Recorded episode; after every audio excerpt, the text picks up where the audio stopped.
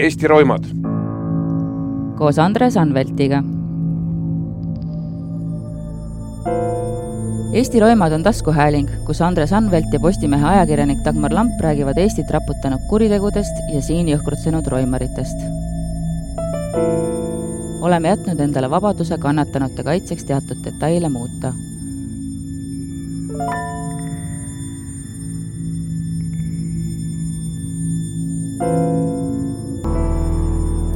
Ida-Virumaa tuhande üheksasaja üheksakümnendate aastate alguses oli verine ja julm koht. kuulid vihisesid elava liiklusega tänavatel. arveid õiendati omavahel avalikult baarides ja restoranides. kurjategijaid ei huvitanud, kes nende teele ette jääb. küsimus oli loomulikult rahas ja mõjuvõimus ning nende nimel pusklesid omavahel mitu kuritegelikku grupeeringut. nii et verd lendas ja laipu langes.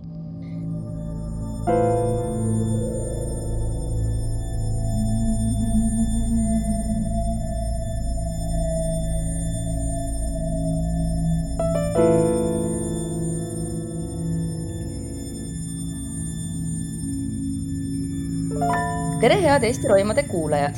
mina olen Elu24 ajakirjanik Dagmar Lamp ja ma salvestan seda saadet järjekordselt oma voodis. minuga on äh, stuudios, mitte stuudios, mitte voodis, tähendab stuudios helisilla kaudu ühenduses minu hea kaaslane Andres Anvelt. tere, Andres.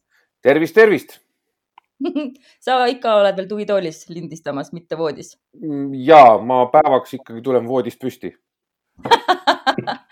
no minu jaoks on magamistuba ainuke koht, kus on natukenegi vaikne ja meiega on täna helisilla kaudu ka ühenduses äh, endine kriminaalpolitseinik Sergei. tere, Sergei.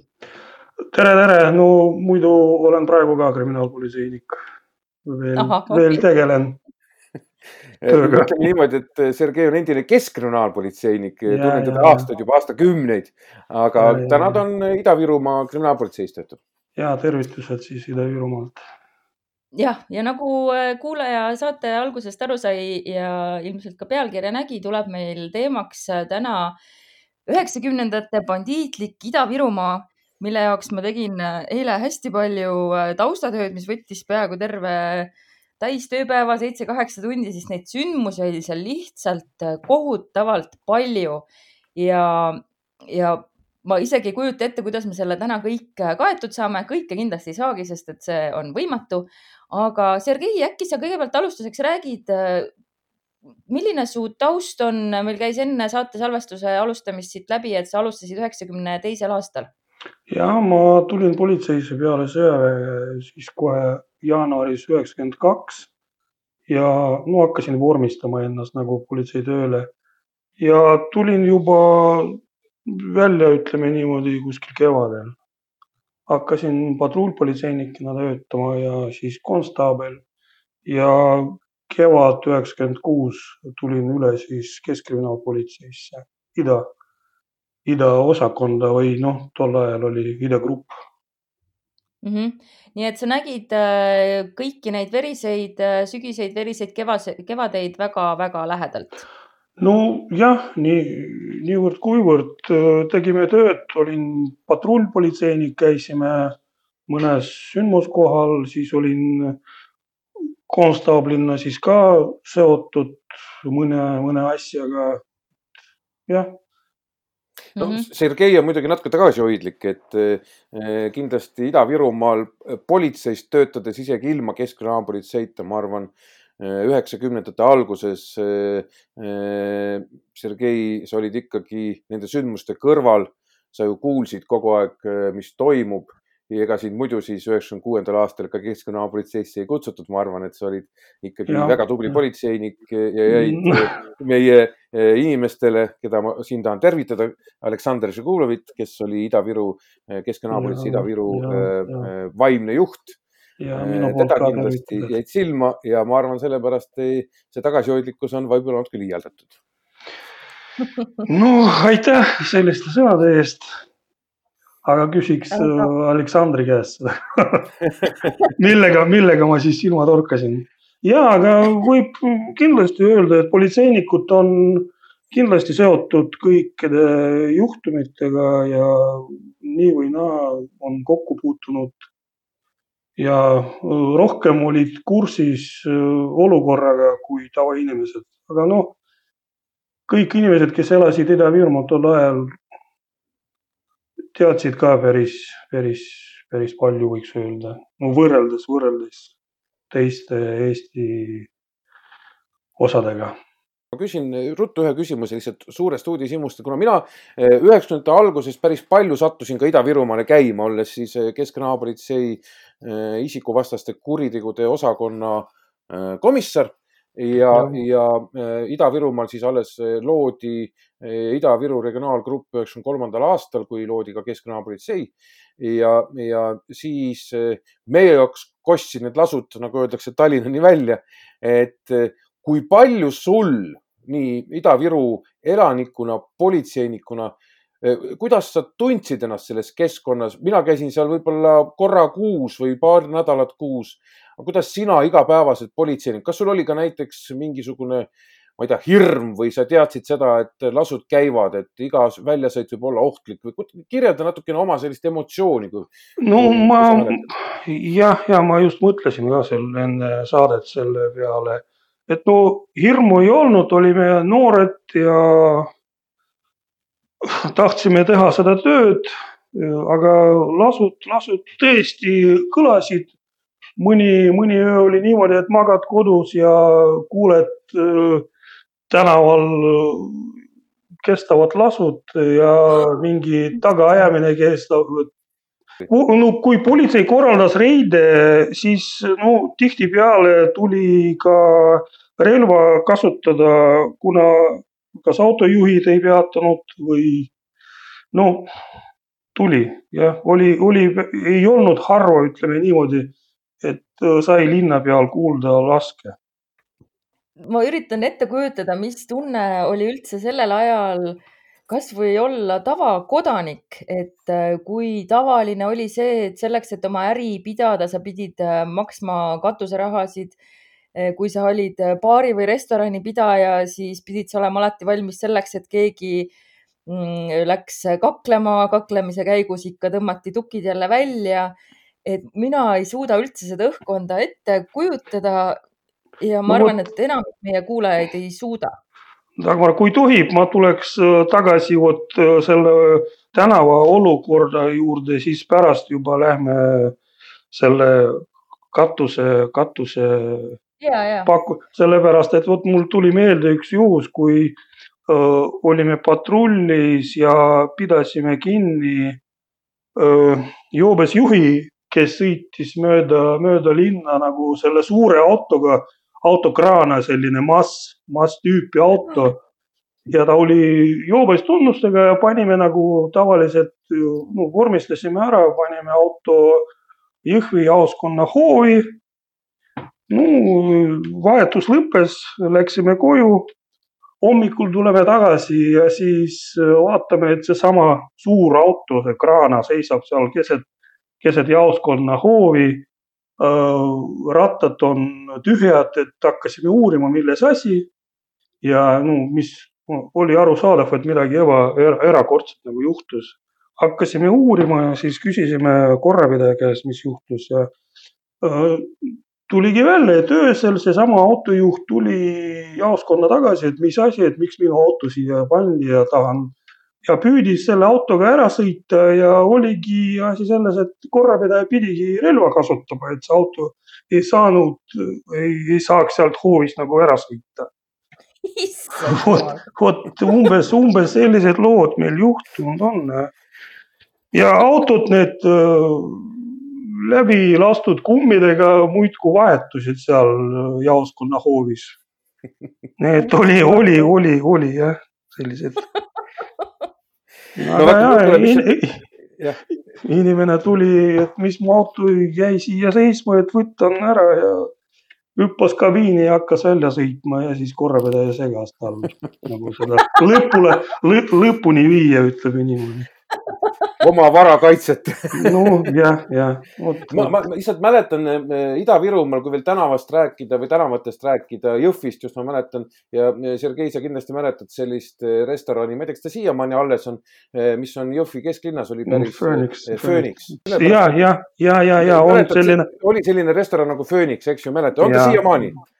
no hoone on siiamaani, aga praegu seal on matusebüroo selge, aga ma lihtsalt mäletan seda, ma nüüd ei oska seda seostada mingi grupeeringuga konkreetselt. No,, mälu on juba ära kustunud ja mm, -hmm. ja, ja siin nendes materjalides, mis me ette valmistasime, ma ka ei leidnud seda, ma mäletan seda, kus seal Phoenix, Phoenixi ees toimus tulistamine ja selle tulistamise käigus, no Phoenixist tulid välja vist ühe grupeeringu liikmed, tulistati autost, mis juurde tuli, see oli kuskil öösel ja e, pihta sai ka möödakäija. Ehk selles mõttes e, see Eh, need lasud, mis olid grupeeringute vahel, eh, võisid ikkagi eh, sattuda ka ausate ja korralike inimeste, nagu öeldakse, pihta.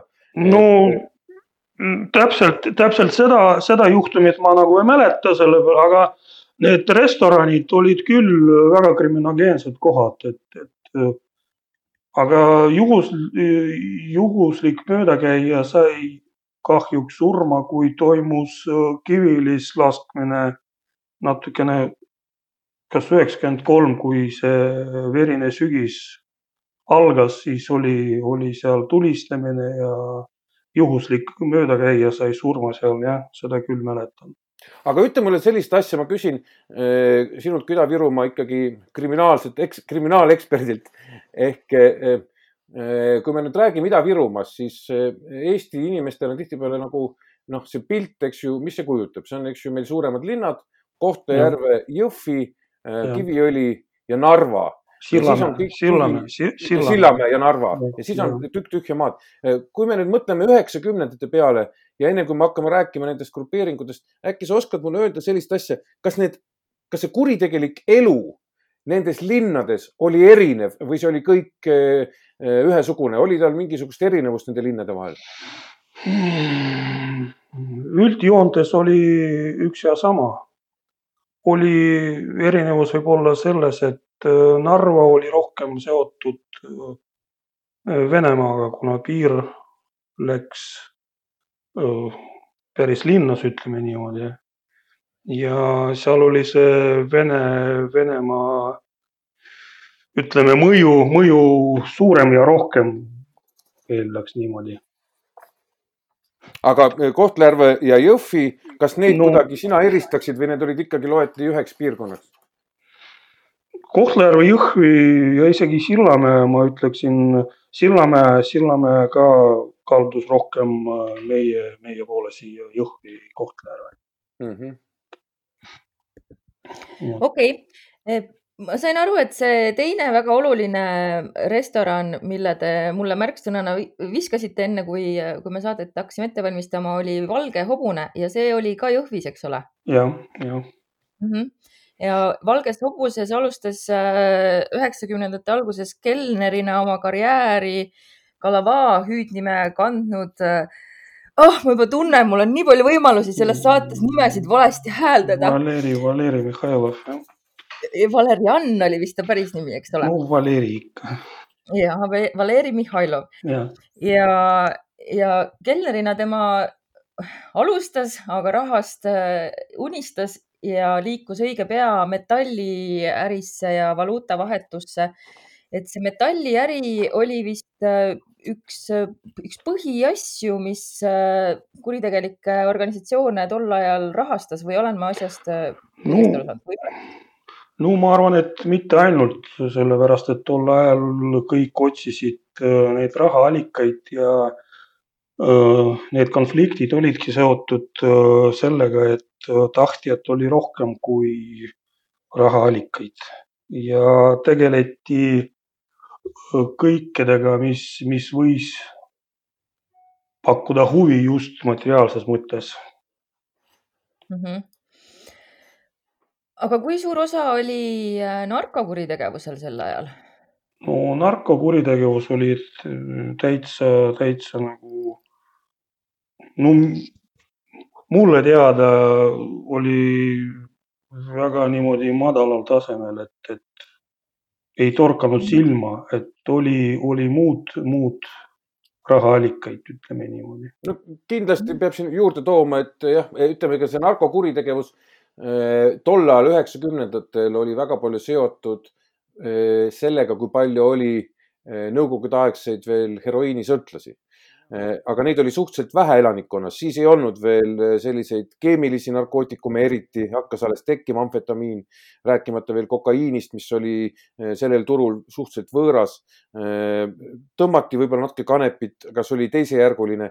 ma arvan, et üheksakümnendatel, kui me räägime üheksakümnendatest ja Ida-Virumaast või Eestis laiemalt, muidugi metalli kõrval oli kindlasti kõik, mis oli seotud sellise uue lääne värgiga ehk siis autod videotehnika, muusikatehnika, selle vargused, selle edasimüük, salaalkohol, salasigaretid, need lihtsad asjad, mis rahvas tahtis ja, ja see kõik vajas, nagu öeldakse, ümberjagamist, nii et, et ma arvan, et aga metalliäri ikkagi ma jään ka selle juurde, et me ei saa unustada ikkagi, et üheksakümmend kolm, üheksakümmend neli oli Eesti üks kõige suuremaid metalli eksportijaid maailmas, kuigi värvilisi metalli, kuigi meil endal seda ei olnud ja siin ei saa üle ega ümber sellest, et, et need suured ehm, värvilise metalli konvoid, mis tulid kas mööda autoteed või tulid mööda raudteed, need läksid ikkagi tahes-tahtmata ka Ida-Virumaast läbi.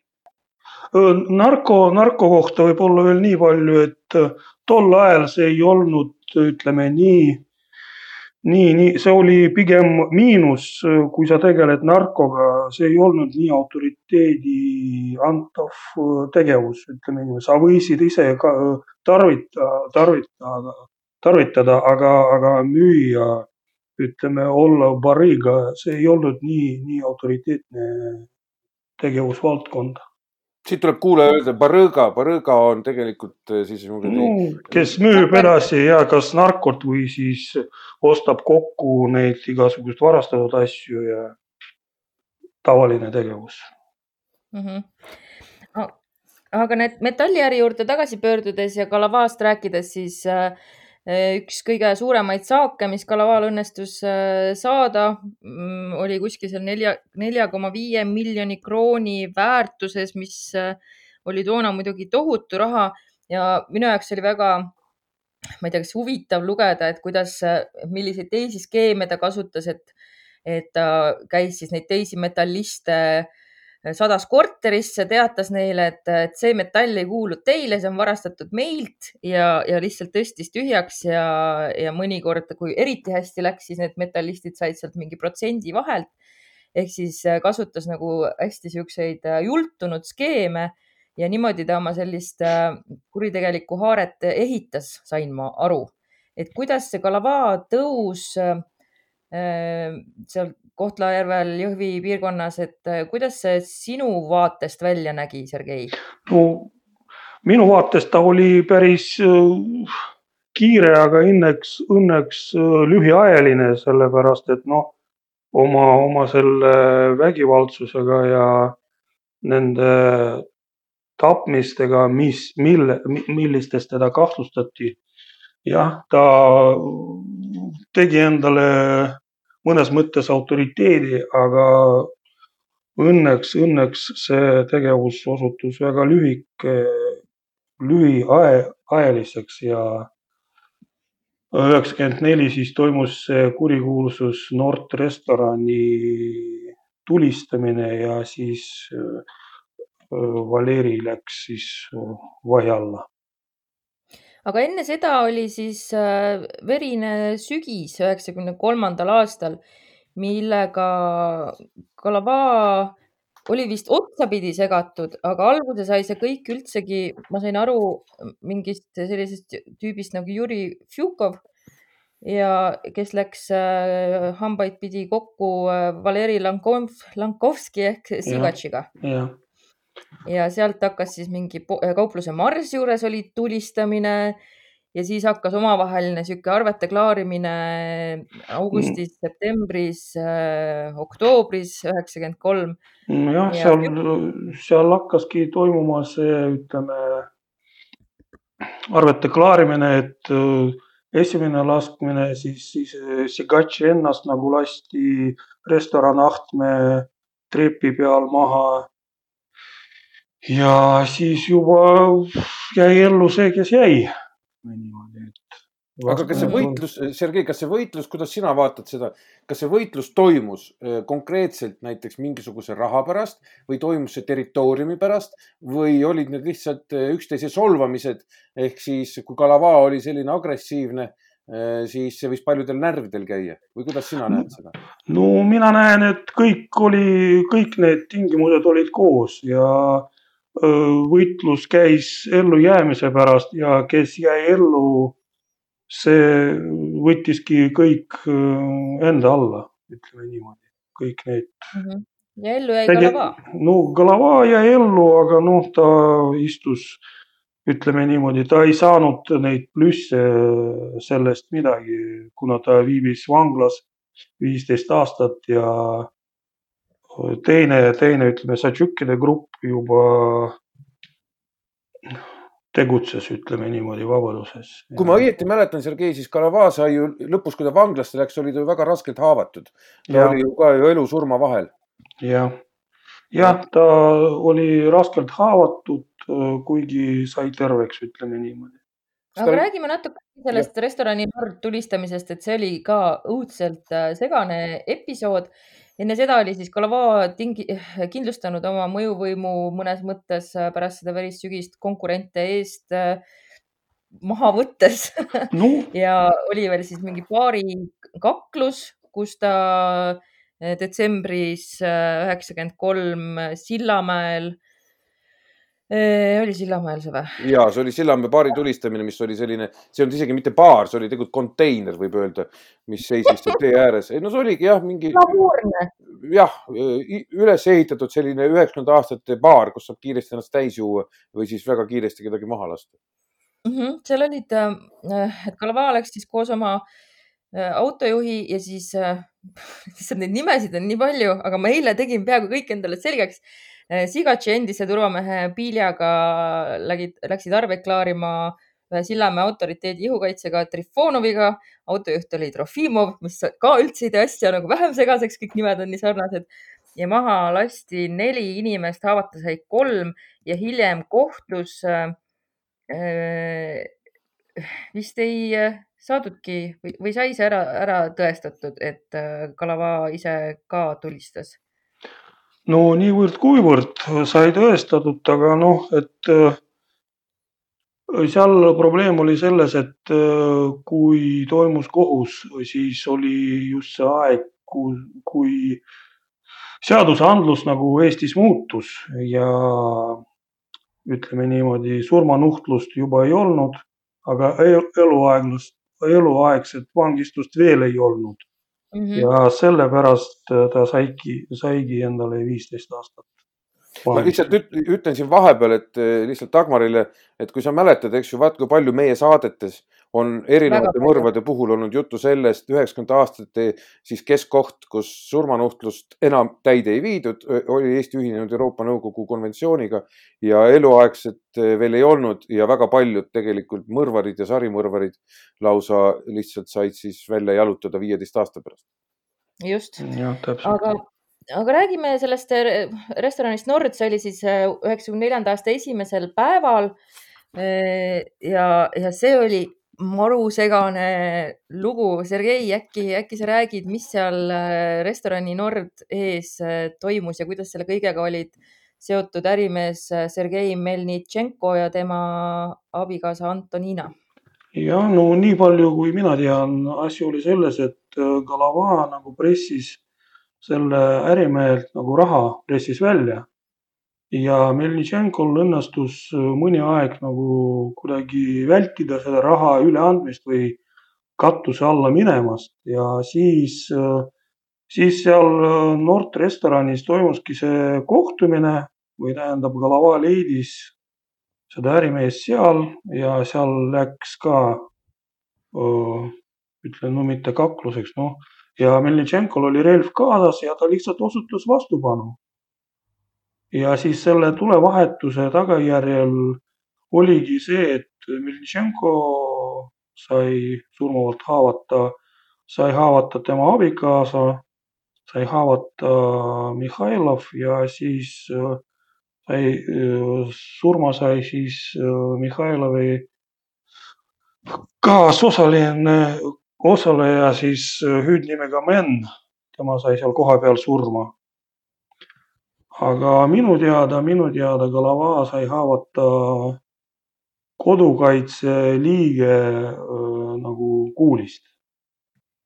kes Mhm. püüdis, kes püüdis vahele sekkuda ja siis kinni pidada, ütleme niimoodi. seda, et kelle kuulist kes haavata sai, on ka Svetlana Loginova oma raamatus Kriminaalne Eesti erinevad versioonid välja toonud, kuna selgub, et neid erinevaid padrunikesti oli seal olnud mitmekümneid mm. -hmm.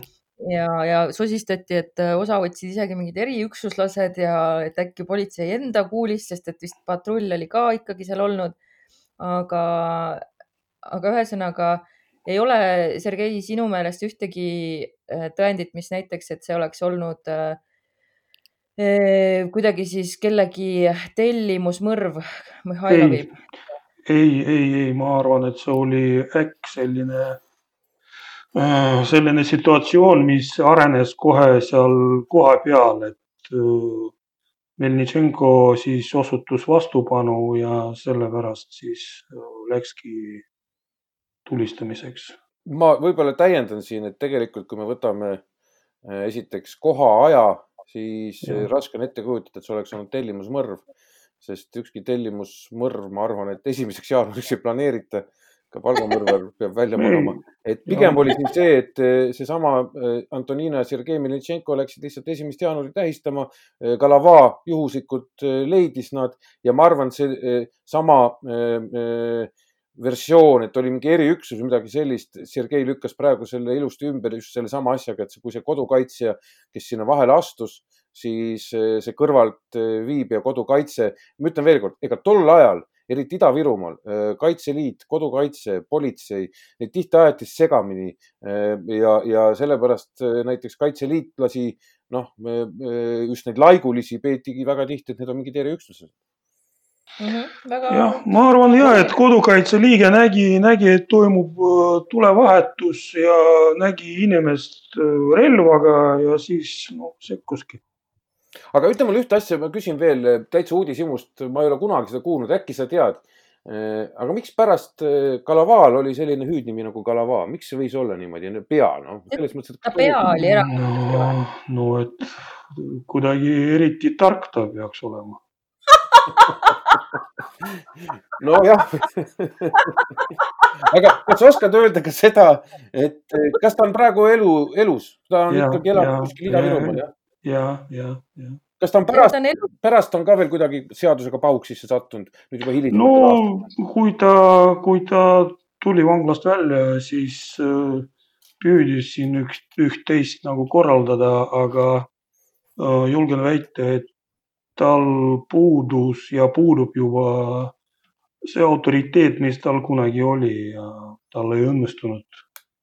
ta püüdis siin politseinikke ähvardada ja vastupanu osutada ja selle eest sai karistada ka mm. -hmm jah, viimased ja. artiklid, mis ma leidsin tema kohta, ütlesidki, et ta läks äh, mingi liiklus, liiklusrikkumiste mm. ja politseiniku solvamise eest kinnimajja mõneks ajaks, aga ta võttis kaasa oma lameekraaniga televiisori sinna. ja nüüd ta peaks juba väljas olema ja on loodetavasti äh, tubli ärimees aga minul on selle saatega seoses tekkinud erakordsed paranoiad, sest me pole kunagi kajastanud ühtegi elus olevat kriminaalset bossi ja mm., ja ma väga loodan, et kui nad seda saadet kuulavad, siis nad ei pahanda, et ma naersin Kalava väga-väga toreda hüüdnime üle. see oli ainult suurest austusest tehtud naer ja kuivõrd, kuivõrd, kuivõrd, kuivõrd hea ärimees ta on, ma ei oska nagu öelda, aga ütleme niimoodi kurite, kuritegelikus mõttes ja, või politsei huviorbiitis ta praegu, praegu ma arvan, ei ole esikohal küll. no väga hea, kui ma peaksin saama märkama enda maja ümber erinevaid kiilakaid mehi, sest et ka Vassili Satšuk, kes äh, meil varsti teemaks tuleb, on kiilakas, siis ma annan sellest sulle, Sergei, teada ja et vaatame, mis juhtub, kui see saade eetrisse läheb aga Kalava sai haavata jah, toona, kui nüüd siis korraks veel sinna tagasi tulla, ta lapiti eh, natukenegi elujõuliseks eh, Tartu Ülikooli Kliinikumis ja siis viidi Patarei vanglasse, kus siis vanglatohter ta jalule tõstis, oli oht vahepeal, et ta jääb ratastooli, aga, aga väidetavalt inimesel oli selline elutahe, et alla ta ei andnud. aga viisteist aastat ta ikkagi endale ostis mitme miljoni krooniga. et Äh, surma ikka ei läinud ja eluaegset ei saanud talle anda. ei, no ma ei kinnitaks, ma ei kinnitaks seda juttu, et ta ostis endale seda viisteist aastat. see vist arvan... tähendab selles Login, Loginova raamatus seda, et ta maksis nii palju oma advokaatidele. no no või... siis ta maksis küll väga halvasti, selles mõttes, et kui me nüüd võtame eh, lihtne aritmeetilise tehte, maksimaalne karistusmäär oli tol ajal viisteist aastat, eluaegselt ei saanud määrata ja rohkem ei olnud. Eh, siis ta ikkagi pidi väga palju maksma selle eest, et saada maksimaalset määra. No Kalava ikkagi. Täpselt nii ongi jah. Aga mind kõige rohkem muidugi selle asja juures, Ida-Virumaa juures intrigeerib ja millega eh, mina olin ka väga palju siis keskkriminaalpolitseinikuna seotud me jõuame ikkagi vaikselt-vaikselt äh, minu meelest Ida-Virumaa üheksakümnendate ikka kõige kuulsama äh, isiku juurde, eks ju, Satša ehk Satšuki ehk vendade Satšukide juurde, kellest siis kõige, kõige kuulsam on Sergei Satšuk mm,. jah.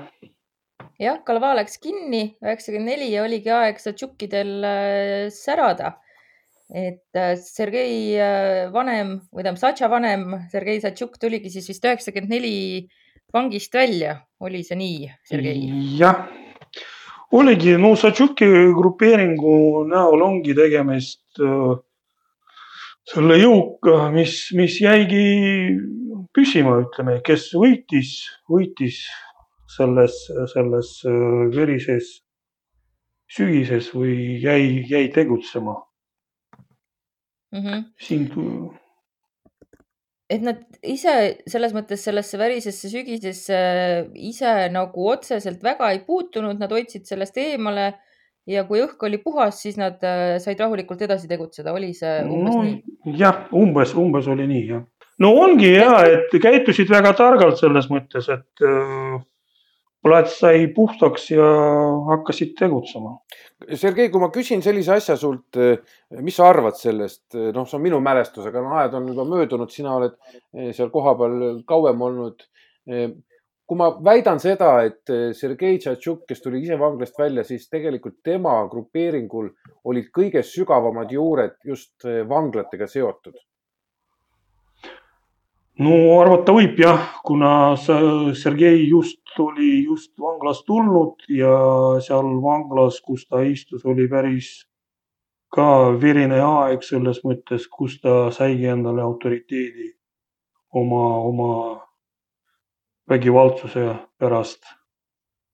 ja need sidemed, sidemed olid päris tihedad jah milline mees Satša vanem oli, kuidas sina temaga esimest korda kokku puutusid? no asi ongi see, ma ei ole temaga kokku puutunud, ma olin temaga kokku puutunud juba peale tapmist, ütleme niimoodi. tema tapmist.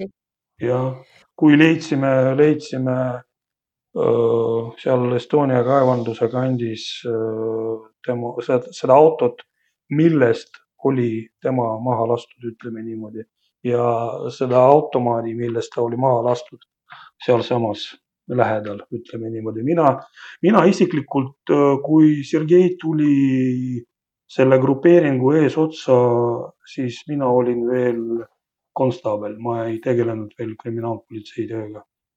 aga siin võin mina rääkida jälle, sellepärast et tol ajal äh, olin mina kriminaalpolitseinik ja äh, Sergei Satšukiga äh, ja tema grupeeringuga puutusin kokku nii Tallinnas kui Ida-Virumaal.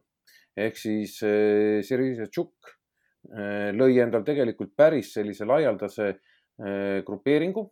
tal olid inimesed ka Tallinnas olemas. oli mitmeid konflikte ka Tallinna ühiskassa inimestega. Sergei Satšuki üks kuulsamaid alluvaid või kaastöötajaid on siis selline inimene nagu Igor Ki, kes äh, oli üheksakümnendatel, tegutses siin Tallinna all ja, ja kes siis oli tema esindaja. sellesama Satšuki ühe tiiva, Tallinna tiiva kõige jõhkram mõrv oli see, kui Lilleküla kaupluse juhataja tookord tellis endale siis läbi Satšuki brigaadi siis tapmise või arvete õiendamise Eesti ühe grupeeringuga, kes proovis Lilleküla kauplusele katust pakkuda. ja, ja siis tuli kohale siis Satšuki brigaad.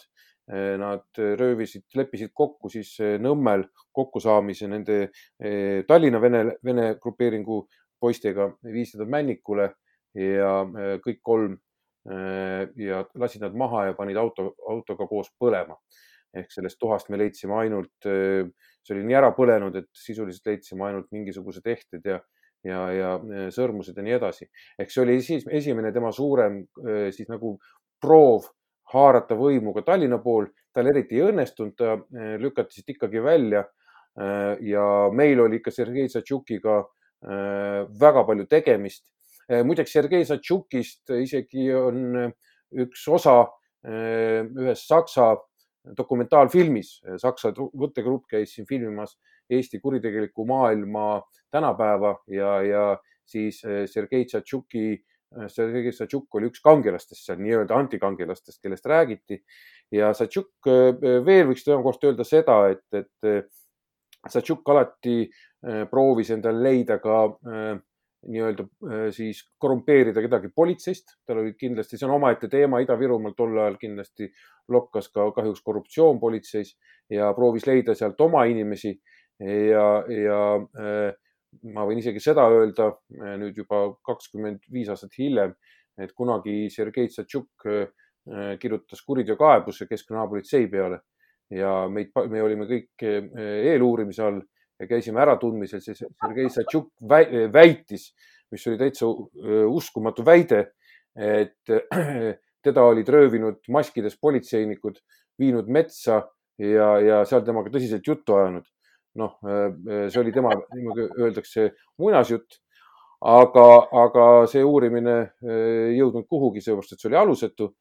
Äh, ja, ja Sergei Satšuk muidugi, ma arvan, läheb Ida-Virumaa ajalukku kõige verisem allilma liider, sest ma arvan, et siin ka Sergei mäletab neid teemasid, kus siis Keskkriminaalpolitsei, sa vist siis ei töötanud Keskkriminaalpolitseis, kui tuvastati see Eh, nii-öelda kaevandusšaht või see auk, kus siis eh, Satšukide eh, brigaad hukkas oma, oma inimesi, mäletan ma õieti? jah, et just oli see aeg, kui mina tulin üle Keskkriminaalpolitseisse, see oli kevad üheksakümmend kuus ja siis just oli toimunud Keskkrimka poolt nagu selle Satšuki grupeeringu nii-öelda realiseerimine ja võeti neid maha ja mina osalesin juba ütleme selles menetluses nii palju, et äh, just tegelesime selle Estonia kaevanduse ütleme ventilatsiooni šurfidest nagu ütleme inimeste või inimjäänustega väljatoomisega ja siis grupeeringu jäägide kes jäid, ütleme, tabamata nende otsimistega ja kinnipidamisega ja siis juba hakkas arenema minu töö Keskkriminaalpolitseis. aga sa võiksid meelde tuletada, mul ei ole ka enam täpselt meeles, palju neid inimjääke sealt tegelikult sellest äh, šahtist või tuulutussurfist äh, välja toodi? see oli ikkagi mitmeid, mitmeid, mitmeid, see ei olnud ju mitte. no oli, ja no on väga-väga raske, väga raske ütelda, minu meelest kuskil kuue-seitsme ringi siis saime, saime tuvastatud. aga kindlasti neid oli seal rohkem, neid oli seal rohkem. ja tuvastamine oli keeruline sellepärast, et noh, et see, mis sealt välja tuli, oli päris, päris õudne selles mõttes, et noh, see meetod, millega me saime, saime neid välja tuua, oli ka päris brutaalne.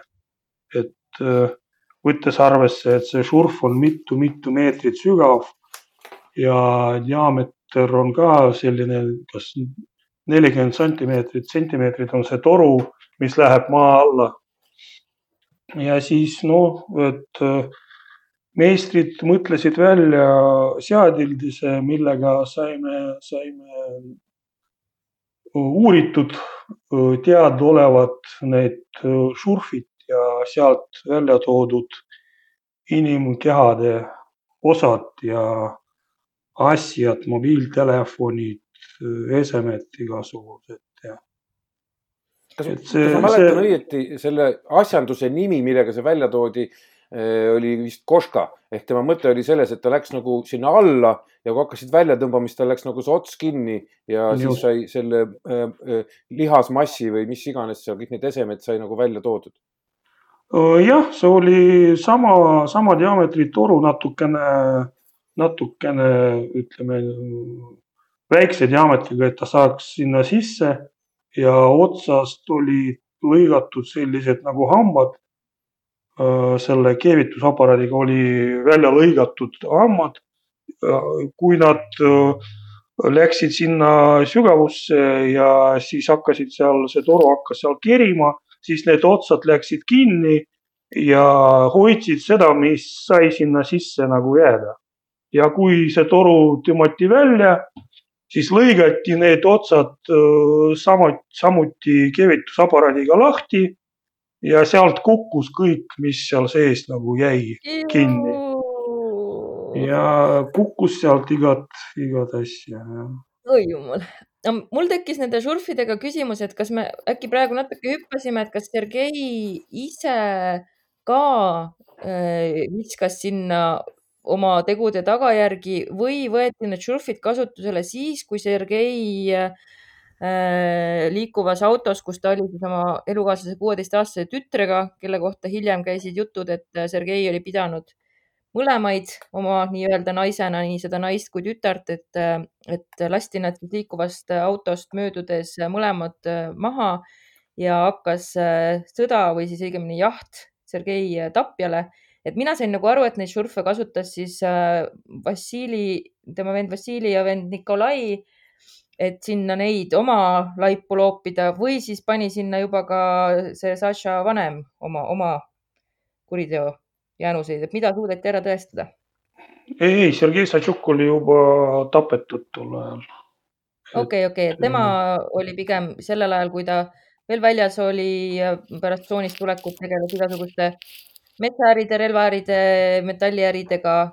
aga mingit niisugust tapmist äh, ei ole temaga seostatud pärast seda aega, kui ta. no seostada võib, aga tõendatud ei ole, mm -hmm, ütleme okay. niimoodi ja ta, tema tegevusaeg ei olnud ka nii pikk, et minu meelest, mis aasta see oli, kas üheksakümmend viis kevad, kui lasti maha. üheksakümmend neli, üheksakümmend viis, jah. jah, siis lasti teda maha. ja siis mm. jah, siis läks juba selle tapja otsimine Satšukide poolt ja siis toimusid mõned, mõned laskmised ka Kohtla-Järve linnas kui suur see tema brigaad võis olla, mis sa ise arvad umbes, kui suur see mm. Satšukide brigaad umbes inim-, inimete arvult võis olla? no need, need, mis läksid kohtu alla, olid äh, üle kümne, kui ma ei eksi. aga mis sa ise ja arvad, palju neid reaalselt võis olla tegelikult neid kambajõmme või kambalisi? Kindlasti no, rohkem muidugi. kindlasti rohkem, aga no ma ei hakka praegu spekuleerima, no mhm. viisteist mm. olid, oli, oli, oli, oli ju veel Narva tiib oli Sillamäe tiiv. ja oli Tallinna tiiv. Tallinna tiiv jah, et äh, oli päris palju inimesi. aga mis sa arvad, mina ka täpselt ei mäleta, mis see äh, Sergei Satšuki enda tapmise motiiv võis olla või see jäigi saladuseks? otsene motiiv mm,?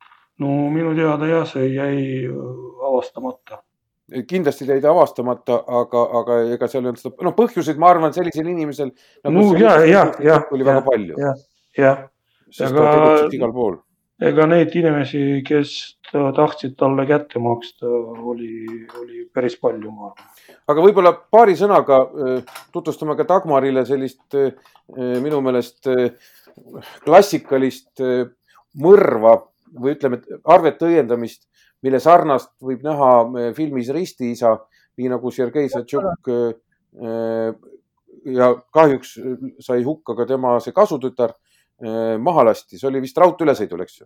see oli raudteeülesõidul, seal seisis märk stopp, ta peatus ja siis auto tuli kõrvale ja läbi aknad läksid lahti ja siis läbi akende nagu tulistati. Ja minu meelest oli kahest automaadist lausa mm no leidsime ühe. aa, leidsite ühe, sest auto ja. oli, eh, ma mäletan seda, et, et eh, neid eh, surnukuuris, neid fotosid, mis ma nägin, seal oli ikka väga palju kuuliauke, sest ta oli kõrvalt tulistatud. ja mitu, mitukümmend kuuliauku, ma arvan. issand. ma olen, ma olen ka näinud seda, neid pilte ja.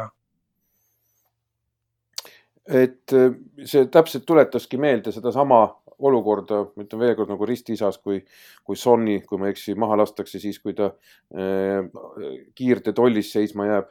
nii et Sergei Satšuki äh, sai saatuslikuks see, et ta pidas kinni liikluseeskirjadest. no ja mõnes mõttes küll jah ja. Mm -hmm. aga noh, ajastule väga tüüpiliselt äh, sai äh, ohvriks ka äh, selles mõttes ju täiesti süütu noor tütarlaps ja, ja hiljem ma sain aru, selle tütarlapse ema ka vist äh, ei läinud tema elusaatus äh, nii hästi. aga, aga kuidas see, äh, nii palju, kui ma nüüd eile lugesin selle mm, Sergei või siis Satša vanema kätte, mõrva eest kättemaksmine läks väga pööraseks ja sellesse oli seotud ka üks kapo töötaja nimega äh, Andronov.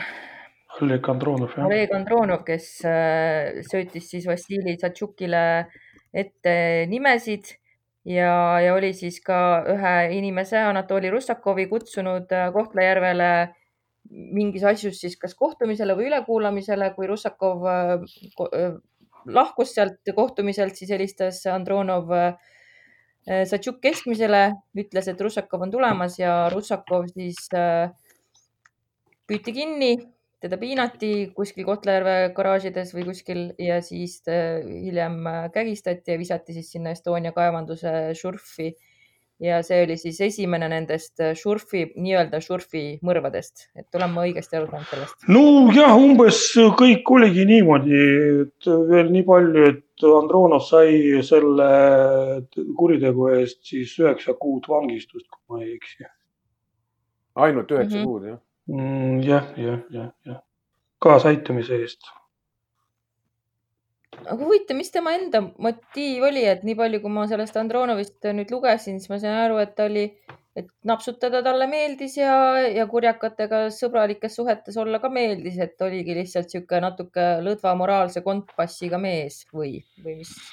no väga, väga, väga keeruline on inimest nagu kirjeldada selles mõttes, et noh, et kuna ta oli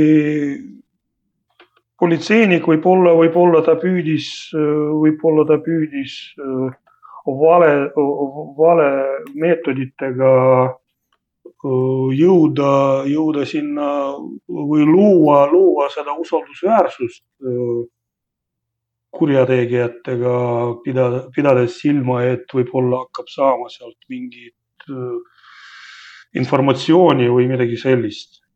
mina arvan, et pigem, pigem see variant ma siin mhm. toetan Sergeid, ma ütlen tegelikult eriti kriminaalpolitseinike puhul eh, me oleme näinud Eesti ajaloos neid juhtumeid mitmeid ja mitmeid, kus eh, mm, see, ütleme, see peenike joon on väga-väga peenikene ehk eh, kriminaalpolitseinik, ükskõik, no antud jutul oli see kapo töötaja, aga ta tegi ju sisuliselt sama jälitustööd.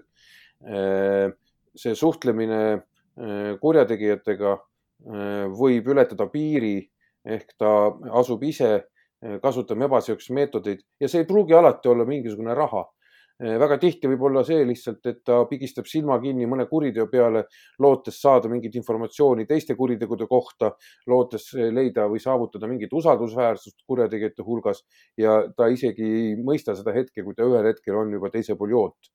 Nii et, et neid juhtumeid on olnud, no ma arvan, mitte ainult Eestis, kogu maailmas on kriminaalpolitseis või detektiivide hulgas on neid juhtumeid kahjuks olnud väga-väga palju ma kindlasti jah, ma tahan ka lisada, et ma saan sellest aru, et kõik me oleme inimesed, samamoodi nagu juhtub politseinikel teinekord võib-olla seda eetilise piiri arusaamatust juhtub ka ju ajakirjanikel ja ükskõik mis muu eriala inimestel, et, et arvestades kogu seda konteksti, mis toona oli, ma kujutan ette, et jääda täiesti läbi ja lõhki üleni moraalseks ja ausaks võis olla kohutavalt keeruline nendes oludes üldse. et ja isegi võib-olla eluohtlik, eks ole.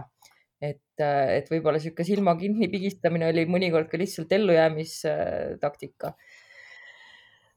Sergei, ja täpselt, ma tahangi küsida Sergeilt, et kui sa nüüd natuke meelde tuletad neid aegu, et ma äh,, kuidas sina hindad üldse tol ajal politsei Ida-Virumaal üheksakümnendatel, kas äh, kas oli seda korruptsiooni, äh, oli teda silmanähtavalt, oli teda, äh, kuidas sa arvad, rohkem kui mujal või, või kuidas sa seda politsei poolt üldse äh, niimoodi ise politseinikuna täna, aga üheksa, kakskümmend aastat tagasi toimunud hindad või kakskümmend viis aastat tagasi?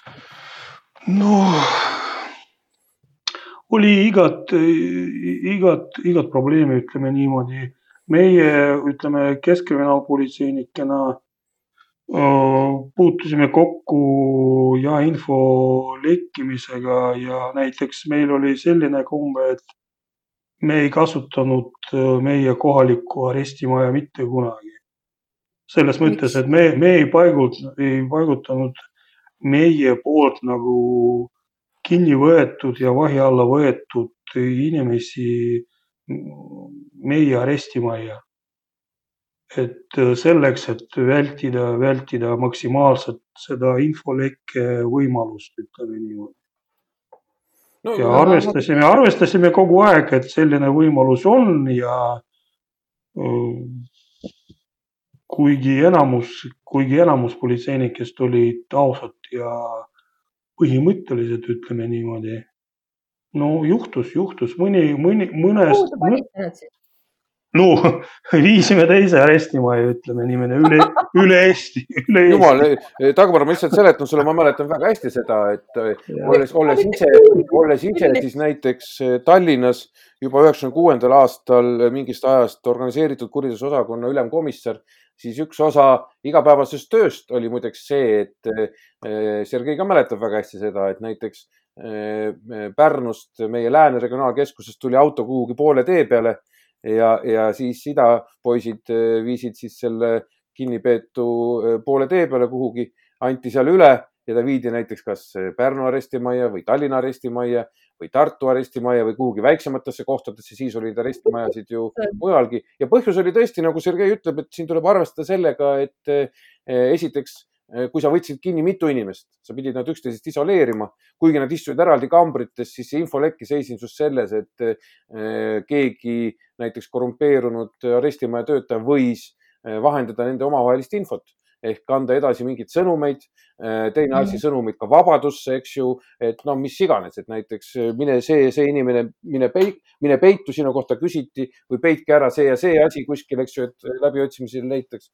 ehk seal neid põhjuseid äh, oli väga reaalseid ja sellepärast keskkonnaapolitseil oli see suur pluss, et meil oli neid kolm regionaalkeskust, eks ju, lõunas, äh, läänes ja idas ja need regionaalkeskused omavahel väga tihedalt töötasid ja, ja, ja neid probleeme lahendatigi niimoodi, et inimesi konvoeeriti täitsa Eesti teise otsa. täitsa uskumatu. aga see oli kas teie hirm, et kui nad on juba kinni võetud, et äkki keegi tuleb ja aitab neil põgeneda? Mm, no oli, oli ka selliseid juht, juhtumeid ka jah. et inimesed, inimesed, inimesed olid jooksu pannud ja ka pärast, pärast olid ka tabatud. uskumatu või noh, uskumatu, aga lihtsalt tundub nii, nii äh, pöörane. igat, igat, igat pulli oli jah, kui niimoodi võib öelda ei no pulli kindlasti, sest ega, ega enamus, ütleme niimoodi, et eh, siin tulebki aru saada eh, eh,.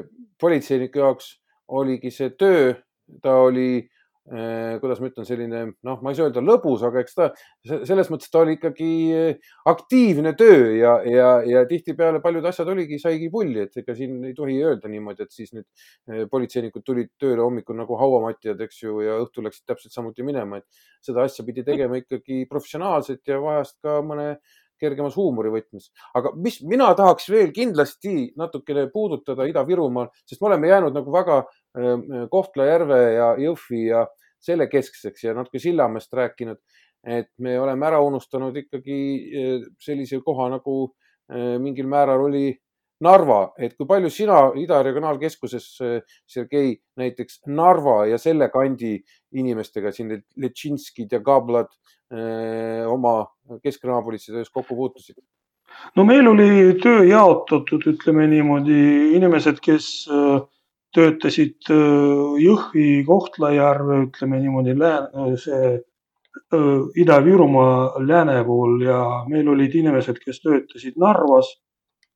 Ja nagu mina eriti Narva grupeeringutega otseselt ei olnud, ei puutunud kokku, aga hiljemalt tege, tegutsesime mõrvadega, mis olid seal Narvas toime pandud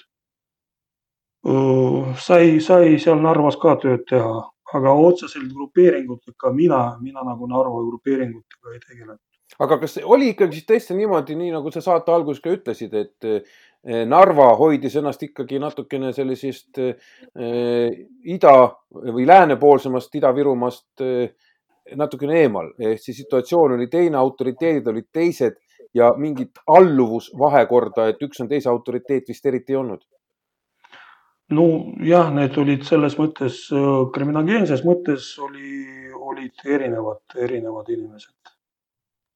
Aga, aga huvitav. jah, palun et miks see siis nii oli, et kas see oligi siis sellepärast, et äh, narvakad pidasid ennast natuke peenemateks, et Venemaa lähedus tahtsid olla natuke nagu härrasmehelikumad nii-öelda? ei, ma arvan, et ma arvan, et nad öö, pigem, pigem arvasid, et nemad on, ütleme niimoodi autoriteetsemad ja õigemad kurjategijad, kuna ne, ne, nemad äh, rohkem, rohkem äh, käitusid Ponjatjate järgi ja see Vene, Vene, Venemaa mõju, krimin-, kriminaalmaailma mõju seal oli ikkagi suurem, ütleks niimoodi mm. -hmm. ja nemad kaldusid ikka sinna, sinnapoole siin tuleb kindlasti öelda jälle kuulajatele, et mis see panjati on, eks ju, panjati on siis kuritegelik selline arusaam või traditsioon ja, ja, ja mis on just Vene kuritegeliku organiseeritud kuritegevuse selline juba aastakümneid, kui mitte sadu vanu termin, mis tähendab see, et ma käitun papanjatjem ehk ma käitun nende kuritegeliku maailma reeglite järgi. Ja see, kes käitub nendest väljaspool, see on siis ehk see, kes ei pea piire. nii et see eh, žargooni keel eh, vene, venekeelne žargooni keel on väga rikas, kus saab mõne sõnaga ära selgitada äh, kogu positsiooni, nagu ka tätoveeringute puhul, mis tänapäeval on muidugi kaotanud oma sellise tähtsuse. jah, ja, ja narvakad äh, minu, minu arvates narvakad äh, pidasid ennast nagu, et nemad on õigemad, ütleme niimoodi, kurjategijad ja nemad rohkem elavad Ponjatjate järgi mm. -hmm ma tõmban siin korraks kokku ka selle Satšukkide teema, et meil see õhku ei jääks, kui me siin muudele teemadele libiseme veel saate lõpus, et üheksakümne kuuendal aastal oli siis Satšukkide kohtuprotsess esimene, mida Eestis üldse selle organiseeritud, mitte organiseeritud kuritegevuse, vaid ühendus. Jah, ühenduse paragrahvi järgi äh, Äh, kohtusse saadeti ja, ja ega nad seal palju karistada ei äh, saanud. et seal kuskil keskmiselt kaks kuni kaks pool aastat ja, ja kõige kauem vist istuski Vassili Satšuk, kes sai, mis ta nüüd siis sai? otsin praegu seda kohta. seitse, seitse, seitse, just. ja, ja tuli ta vanglast välja ja läks tööle inkassosse ja kaks tuhat kakskümmend aastal ma vaatasin, et äh, on talle esitatud süüdistus äh, altkäemaksu andmises, aga Andres, sa ütlesid, et sa nägid teda just tänaval, nii et väljas ta on, kinni ei istu. ja, ja ta on, ta on väljas. no selle kohtuprotsessiga ei olnud kõik nii, nii ütleme lihtne ka selles mõttes, et mõned, mõned grupeeringu liikmed said ikka päris kopsaka, kopsaka aja, et kümme, kümme aastat näiteks, kes, kes osalesid konkreetselt tapmistes ja Mhm. Vassili nagu sai väljapressimise eest minu meelest.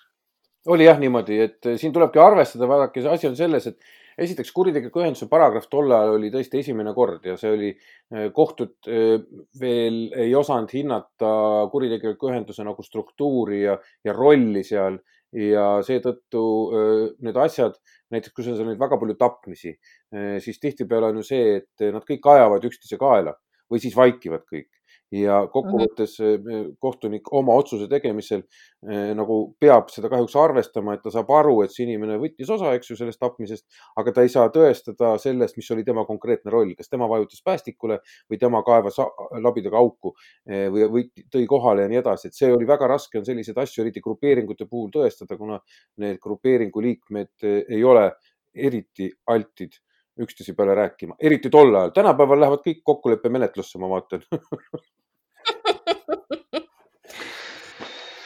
aga Vassil praegu ikkagi üritab niisugust äh, tubli ärimehe joont hoida, et vaatasin, kaks tuhat kuus oli veel tema elu kallale kiputud, et toimus mingi tulistamine. aga mm. üldiselt intervjuude põhjal nagu võiks arvata, et on tubli inkassomees. no ma ütleks ja, et ta praegu ei ole nii kuritegelik või nii ütleme, silmatorkav just selle poole pealt kui varem. no äkki on ka väsinud ja vanaks saanud ja leidis oma niši lõppude lõpuks.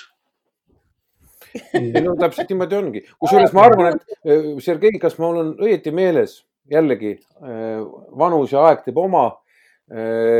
kas Vassili Satšuki mingi kontor vahepeal oli keskkonnaapolitsei kontori kõrval, mis oli siis selle Jõhvi raudteesilla kõrval. nojah, oli kohe vastus. no siis, siis ta, siis ta asuski paranemise teele, ma arvan, et mõtles, et, et kuidas sa ikka iga päev tööle lähed ja, mm. külmajudinad jooksevad üle selja. no, no ma olen kindel, et see omas oma mõju jah, selles mõttes aga huvitav, eh, huvitav vend oli muidugi ka Nikolai eh, Satšuk, eks ju, nendest kõige noorem ja kes, ma saan aru, oli vist kõige rohkem sihuke bespredeltšik, nagu ma ennist kirjeldasin seda väljendit. nojah, Kolja on ja minu meelest peale, ta oli ka selline päris vägivaldne ja teda tabati kõige hiljem siis Jõhvi patrullpolitseinikud, kui ta röövis ühe tankla, tankla, ütleme niimoodi, kassad ja siis -hmm. ta oli tol ajal ka narkojuues ja automaat tuli kaasas ja selle automaadiga teda tabati ka. see oli ka tulist, ma, ma ei oska praegu täpselt öelda, kas ta tulistas. mina lugesin jah, et ta tulistas selle tankla kenasti ka pilbasteks, et keegi küll viga ei saanud, aga, aga paar päeva hiljem ta siis peeti kinni ei, teda peeti kinni kohe seal kuumadel jälgedel, ütleme niimoodi. kui ta pani jooksu seal kuskil põllu peal, teda patrull siis tabaski. ta ei suutnudki vastupanu osutada, kuna ta oli ebakaine, ütleme niimoodi mm. -hmm. Okay. ja tema vist istub praegu kinni? ei, ei, minu meelest ei. ta on ja päris korralik inimene nii hea, et meil kõigil on eriolukord ja ma pean kodus istuma, mul on palju, palju julgem. et ma ei pea kuskil tänaval kõigil pärast saadet. no ega ma usun, et praegu nad öö, ohtu ennast ei kujuta. no väga tore, aga ma tahtsin veel küsida selle kohta, et kui Sergei, sa praegu võrdled äh, üheksakümnendate keskpaika ja praegust olukorda ja kuidas on olla politseinik, et äh, see muutus on tõenäoliselt äh, drastiline. et millised on need kõige ma ei tea, suuremad õpitunnid, mis sa nii noore politseinikuna oled sellest ajast endale kaasa võtnud? no võrrelda nagu ei saa jah, ma olen nõus selles mõttes, et äh, see, mis oli tol ajal ja praegu kaks erinevat asja, aga kaks erinevat politseid ka, et politsei läks ütleme niimoodi, politsei töö on muutunud ja seadusandlus on muutunud. ja olukord on muutunud, aga olukord on muutunud suures osas tänu sellele tööle, mis oli üheksakümnendatel tehtud mm. -hmm. ja no praegu, mis siin rääkida, praegu on rahulikum jah, rahulikum.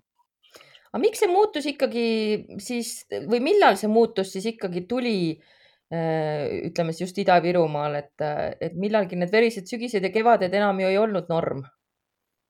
no viimane, viimane selline, ütleme,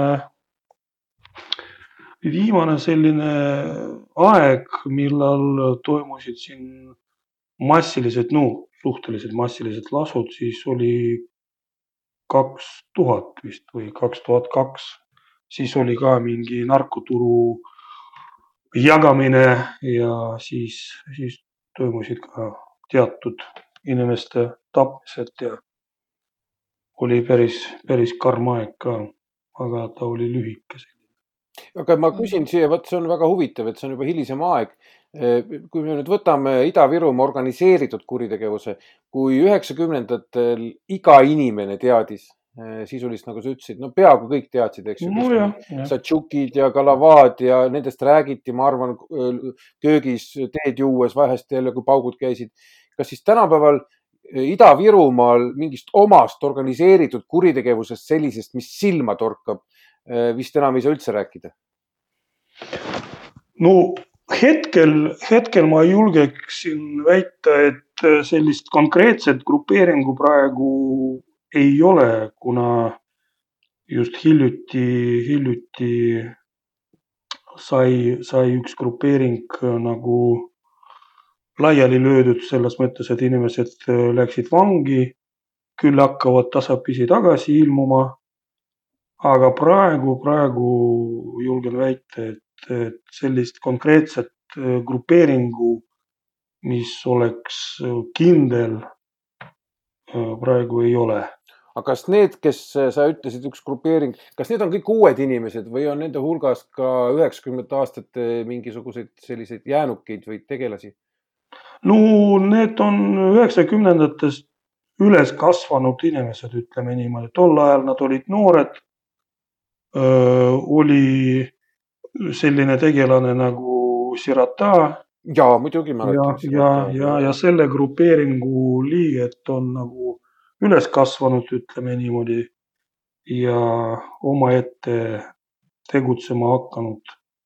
kes see Sirata oli, rääkige temast ka natuke. no Sirata oli, Sirata oli ka üheksakümnendate alguses tegutsev siin üks autoriteetne inimene, keda tapeti, keda tapeti üheksakümmend seitse või kaheksa aasta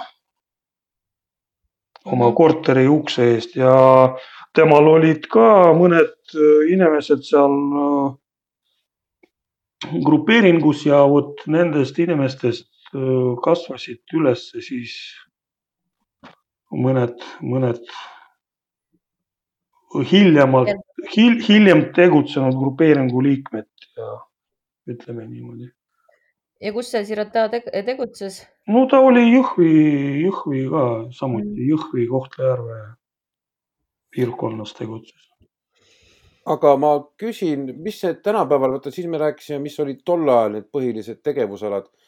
mis nüüd tänapäeval on siis, metalli meil mm. enam ei liigu siit, mis on see põhitegevusala kuriteo, kurjategijad? no täna, täna on narko, narko, narko, ainult narko jah lõbumajandus, bordellid, prostitutsioon.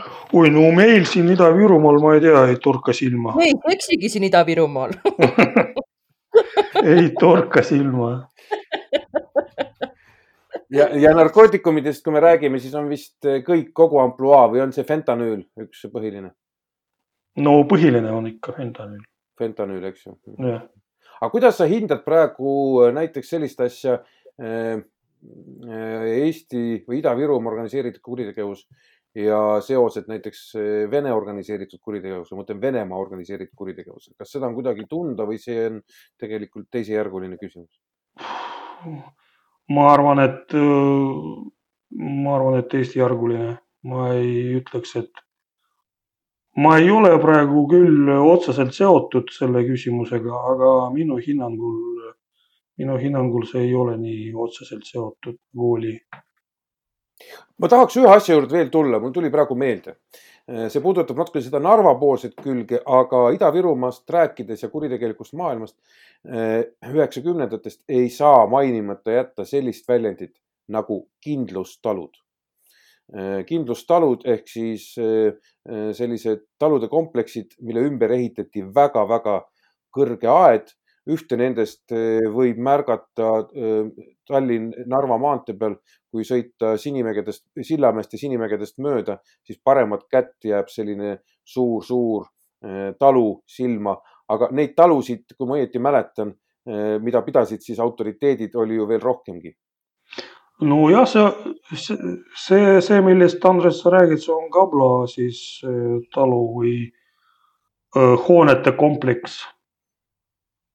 Ja minu teada, minu teada midagi sarnast oli ka Tolitšitski äh, maja, maja juures oli, oli, oli pandud tee pool, et oli maja ette pandud mingi betoonaia osa, selline ma ei tea, kuus meetrit lai ja neli meetrit kõrgus, kõrge, et, et ei saaks nagu tee pealt ei lasta, ei näha.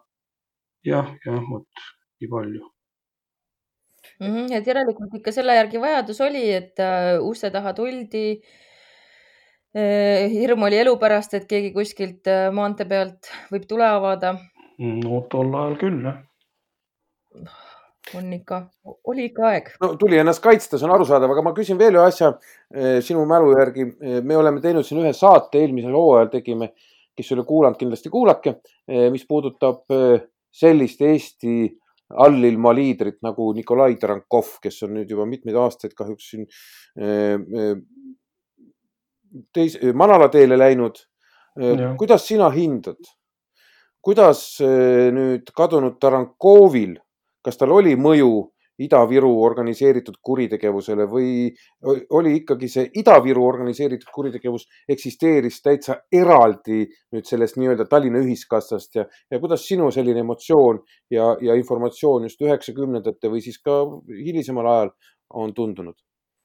ei no kindlasti on seotud ja oli seotud, ütleme niimoodi, näiteks Tarankov käis äh, ainuke kord, kui meie sattusime, ütleme niimoodi, märkasime teda Ida-Virumaal, ta käis näiteks Sirata matustel. ja hiljemalt, hiljemalt need grupeeringud ikka aeg-ajalt ikka käisid Tallinnas kas nõu küsimas või siis abi palumas ja ikka, ikka oli, mõju oli, oli mm. -hmm. et ikkagi ristis on nii-öelda. jah, ei saa, ei saa, ei saa öelda, et äh, meie grupeeringud olid täitsa eraldunud Tallinnast. Satšade kohta ma lugesin, et nad olid ikkagi aktiivselt panustanud ühiskassasse. aga teiste kohta ma ei leidnud hetkel konkreetset viidet selle ühiskassa kohta, mis siis Tallinnas Tarankovi käes asus. no võttes arvesse, et see ühiskassa raamatupidamine asus Tallinnas, ma arvan, et Andres teab äh, rohkem sellest. ja ma arvan, et kõige rohkem teadis sellest kodanik Lepatš, kes oli selle raamatupidaja, aga, aga üldiselt on jah niimoodi, et tegelikult ju täpselt keegi seda raamatupidamist ju niimoodi sellisena näinud ei ole aga äh, ma ise muidugi natukene hindaks seda asja võib-olla üheksakümnendate aastate algusest. Needsamad asjad, mis ma rääkisin, et konfliktid Lilleküla kaupluse ümber ja, ja, ja, ja tapmised ja veel mingid mitmed teised äh, rünnakud, siis, siis oli see võimuvõitlus natukene teravam ja mis kindlasti me ka Tarankovi saates rääkisime, aga siin tasub seda meelde tuletada, et Ida-Virumaa see üheksakümnenda aastate algus, just kuritegelik maailm oli palju rohkem seotud just vanglasüsteemiga. Kui näiteks Tarankov, kes proovis hoida ennast sealt eemal, ilma selleta ta ei pääsenud aga eh, kui me võtame näiteks sedasama pildimaterjali, mis omal ajal kriminaalpolitsei on kogunud ja, ja mis on eh, siin ja seal kuskil arhiivides olemas, siis võib näha ikkagi, et vanglapildid olid suuresti seotud just eh, Ida-Virumaalt kas vangi läinud või sealt sinna vabanenud inimestest, nii et, et seal oli see vanglate mõju oli kindlasti palju suurem ja ma tuletan isegi meelde seda, et just üks Satšuki grupeeringu tegelane, ma nime praegu ei mäleta siinsamas Keila juures üheksakümnendate keskel kuskil eh, oma Mercedesega sõitis ennast kurvis surnuks, sest oli järjekordselt teel eh, sinna Rummu Vasalemma kanti, et viia vanglasse eh, terve autotäis erinevaid toidu ja muid pakette, et hoida üleval nii-öelda tsooni, et seda, see, seda iseloomustas just jah, Ida-Virumaal võib-olla pigem rohkem kui näiteks Tallinna ja muu Eesti osalus nagu vanglate ülalpidamises jah, nii ongi, et äh, Ida-Virumaal, võttes arvesse neid äh, tööstused, mis siin on ja neid inimesi, kes siia tulid omal ajal, need niinimetatud keemikud või hiimiki, kes kandsid siin karistust ja nad tõid kaasa oma seda subkultuuri, mis äh, tuli vanglast, et vangla, vanglakommed ja ongi, ongi niimoodi, sellepärast, sellepärast nad läksidki siin laiali, ütleme niimoodi. siin tulebki kindlasti seda selgitada jälle kuulajatele, et, et keemikute all me ei mõtle keemiatööstuse insenere. keemikute all mõeldakse inimesi, kes on vabanenud siis ennetähtaegselt või nii-öelda nagu tänapäeval öeldakse, siis on kriminaalhoolduse valve all või kriminaalhoolde järelevalve all tol ajal olid selleks sellised keemikute komendatuurid ehk nad elasid ühiselamus pidid ennast registreerima, no mingil määral nagu avavangla moodi, midagi selle vahepealset äh, kriminaalhoolduse süsteemiga. Ja siis nad käisid tööstusettevõtetes tööl. Ja, ja äh, nad kõik olid tegelikult ju vanglates juba varasemalt istunud ja mitte üks kord tihtipeale. Ja mikspärast see keemikud on, noh, arvatavasti sellepärast, et väga palju oli neid inimesi, kes töötasid just keemiaettevõttes. jah, täpselt, täpselt mul tekkis äh, või õigemini mul meenus veel üks asi, mida ma selle äh, Sacha vanema matuste kohta lugesin. et kui mõelda nüüd nendele tavainimestele, kes äh, polnud ei kurjakad ega politseinikud, vaid just need igapäevased inimesed, kes püüdsid oma igapäevast elu elada. et Sacha vanema matustele oli, oli tohutu tunglemine ja kõik kogukonna inimesed põhimõtteliselt tahtsid minna ja ja Sergei Satšuki surnukehaga hüvasti jätta ja et minu meelest oli see nagu hästi huvitav fenomen, et, et, et neid Satšukke ja ilmselt ka siis teisi autoriteete vaatasid ka kuritegevusega mitte seotud inimesed kui, kui noh, oma, oma kodu kaitsjaid siis mõnes mõttes või vähemalt olid nad keegi, kellega hästi läbi saada ja, ja et mingit austust nad teenisid või vähemalt siis ei vaadatud neile nii väga viltu või, või kuidas te seda kommenteerite no, kogukond? no matused jah, torkasid silma inimrohkusega, kui niimoodi võib öelda. aga no võttes arvesse, et need inimesed kasvasid üles äh, selles linnas ja äh, tutvusringkond oli päris, päris suur ja nad olid omal ajal päris kuulsad. et ikka, ikka pakkusid huvi selles mm -hmm. mõttes, et, et ma ei oska, ma ei oska öelda, kuivõrd, kuivõrd kangelasteks neid peeti, aga huvi, huvi pakkus kõik, mis toimus ümber selle kriminaalmaailma. sellepärast, et noored poisid vaatasid pealt ja kes tahtis saada sama, ütleme, või jõuda sama tee peale. et tundus, tundus, et kerge, et need noored, noored, noored inimesed, kes nägid sellise eeskuju, nendele tundus, et, tundus, et saab kerget raha teenida ja vangla ka ei tuntud nii, nii karm olema, et mõnes mõttes mõned arvasid, et peabki ära kandma mõne aja vanglas, et saada endale autoriteedi.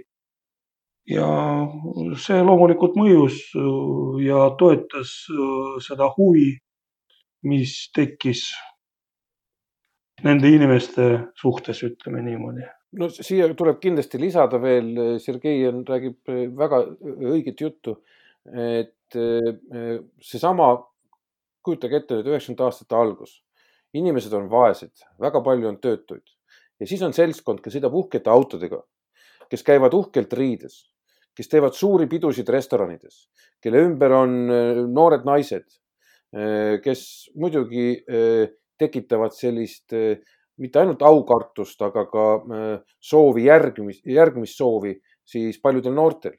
Ja üks asi muidugi veel, ma arvan, et mispärast tänapäeva Eestis seda organiseeritud kuritegevust tunduvalt vähem on.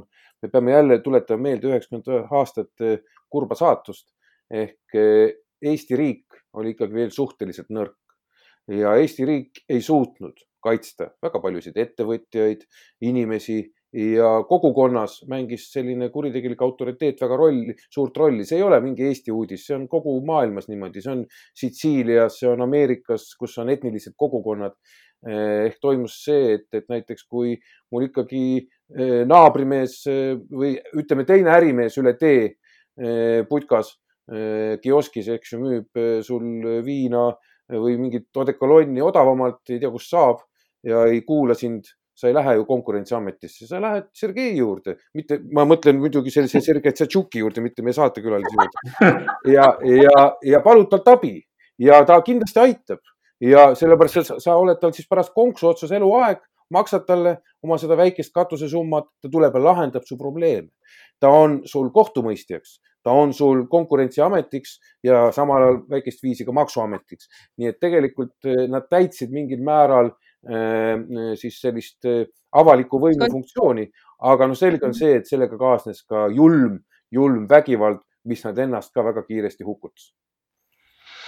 Jah, täpselt, see ongi sellesama vangla subkultuuri osa, et näiteks, näiteks oli ju mitte ütleme, mitte autoriteetne või kuidas seda nimetada, et näiteks äh, politsei poole pöörduda, et seda välditi maksimaalselt et kui sa pöördusid avaldusega politsei poole, siis sa kõik, sa kaotasid oma autoriteedi.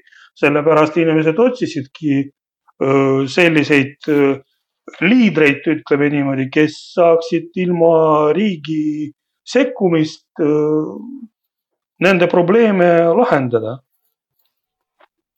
mm. -hmm aga nüüd on kõik teistmoodi ja ma arvan, et me oleme jõudnud äh, väga heasse kohta, kus see teema kokku sõlmida, kui ei jäänud äh, Sergei või Andres teile kummalegi midagi veel hinge peale, mida te kindlasti tahate öelda siin saate lõpus?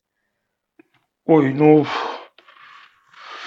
hinge peale, hinge peale on, millest võib rääkida, on palju selles mõttes, et on, on palju huvitavaid no, kahjuks selles mõttes, et äh, kuna võttes arvesse meie tööd et kahjuks on, on millest rääkida ja on huvitavaid teemasid, konkreetseid äh, asju, ütleme tapmisi, palgamõrru ja et kui huvi on, siis võib kunagi veel sarnast ja, kokkutulekut korraldada.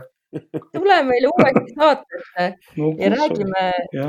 nendest huvitavatest juhtumitest ja palgamõrvadest äh, mõnes teises saates, et see oli, see oli praegu hea ülevaatlik äh, tagasivaade üheksakümne kolmandasse, üheksakümne neljandasse, viiendasse aastasse. ja aitäh, Andres, aitäh, Sergei, et te minule natukene valgustasite seda segast ja verist äh, aega. ja aitäh kuulajatele, et te meid kuulasite. Eesti Roimad leiate Elu24 lehelt, on täitsa omaette pesa, iga saate juures on ka pikem artikkel, kus äh, ma natuke täpsemalt nendest juhtumitest, millest me räägime, kirjutan, et kui midagi jäi segaseks, siis sealt saate seda lugeda. ja seal on ka olemas eelmised saated. aga teeme siis praegu äh, nägemiseni ja kohtume juba kahe nädala pärast neljapäeval. head aega. head aega. head aega, olge terved, nägemist. Eesti roimad. koos Andres Anveltiga